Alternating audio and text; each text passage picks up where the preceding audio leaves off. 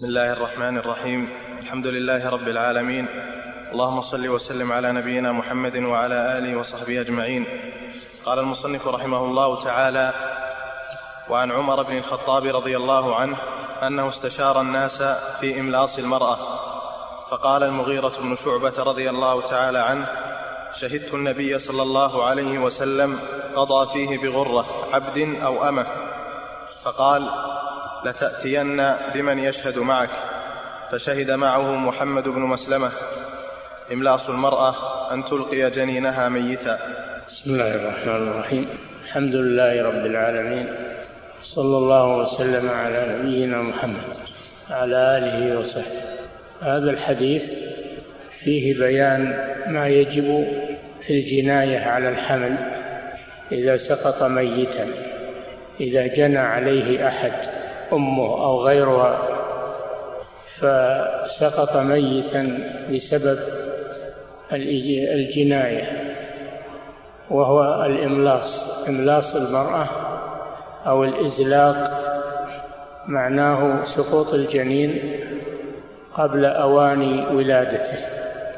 فدل هذا على أن الإسلام يحترم الأنفس حتى الأجنة في البطون فإنه يحافظ عليها وعلى حياتها وعلى حرمتها. فأين الذين ينادون بحقوق الإنسان عن هذه التشريعات العظيمة؟ كأن الإنسان كأن الإسلام أغفل الإنسان ولم يضع له حقوقا حتى جاء هؤلاء ينادون بحقوق الإنسان. لأن الإنسان عندهم ضائع ومنتهك لكن في الإسلام لا. الإنسان محترم وله حقوق وله حماية فالإسلام جاء بحقوق الإنسان هو الذي جاء بحقوق الإنسان الصحيحة. لا هؤلاء الذين يتبجحون بحقوق الإنسان. ومن العجب أنهم ينادون بحقوق الإنسان وهم يضربون المدن و ويضربون الحصون ويضربون القرى بمن فيها ويهدمونها على من فيها رجالا ونساء واطفالا وكبارا وصغارا يهدمونها على من فيها لأجل تنفيذ رغباتهم تحصيل مطامعهم. وما كأن هؤلاء من الإنسان ما هو إلا التناقض العجيب. ولكن يأبى الله إلا أن يفضح أهل الباطل ويبين خزيهم. فهذا الإسلام حافظ على الإنسان حتى في بطن أمه.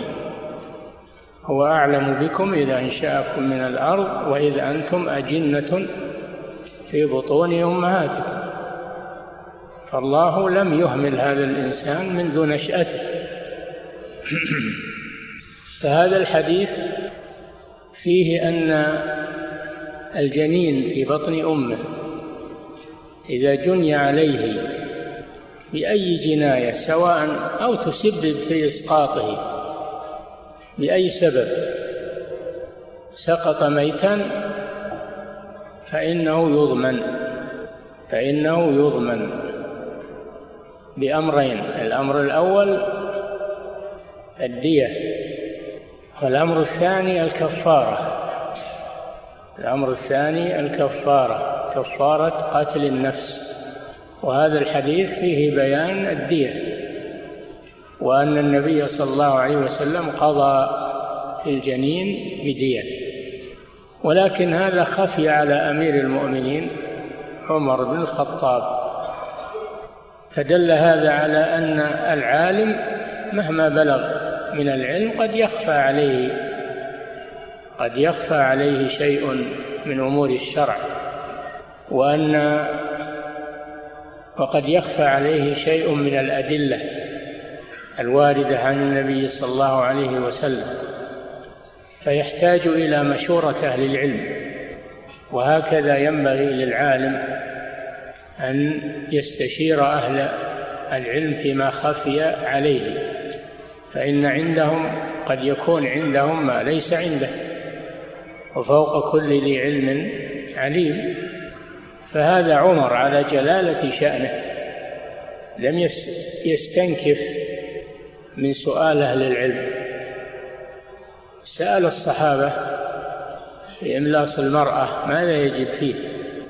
فقام المغيرة بن شعبة رضي الله عنه فشهد أن النبي صلى الله عليه وسلم قضى فيه بغرة بغرة عبد أو أمة عبد مملوك أو أمة فعبد أو أمة تفسير للغرة سميت غرة لأن الغرة في الأصل الأصل أن الغرة هي البياض الذي يكون في جبهة الفرس.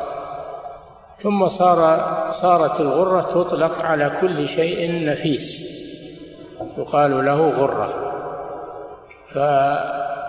فالمغيرة بن شعبة رضي الله عنه شهد بما بما علم شهد بما علم من قضاء الرسول صلى الله عليه وسلم.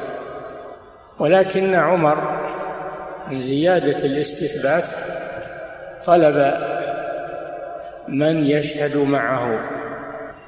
فدل على أن الشهادة على الجنايات تكون بشاهدين.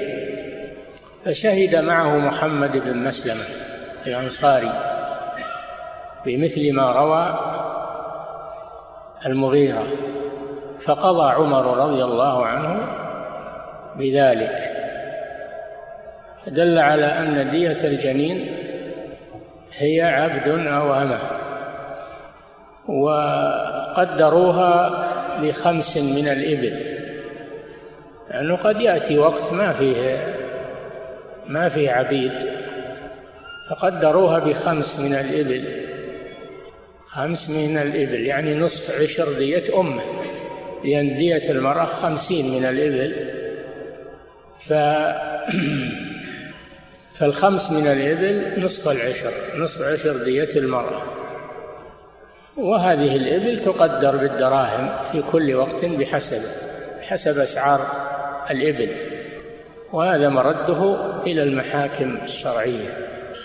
هذا الشيء الشيء الثاني الكفارة وهي أن من جنى على حمل فسقط ميتا فإن عليه الكفارة لعموم قوله تعالى ومن قتل مؤمنا خطأ فتحرير رقبة مؤمنة من لم يجد فصيام شهرين متتابعين.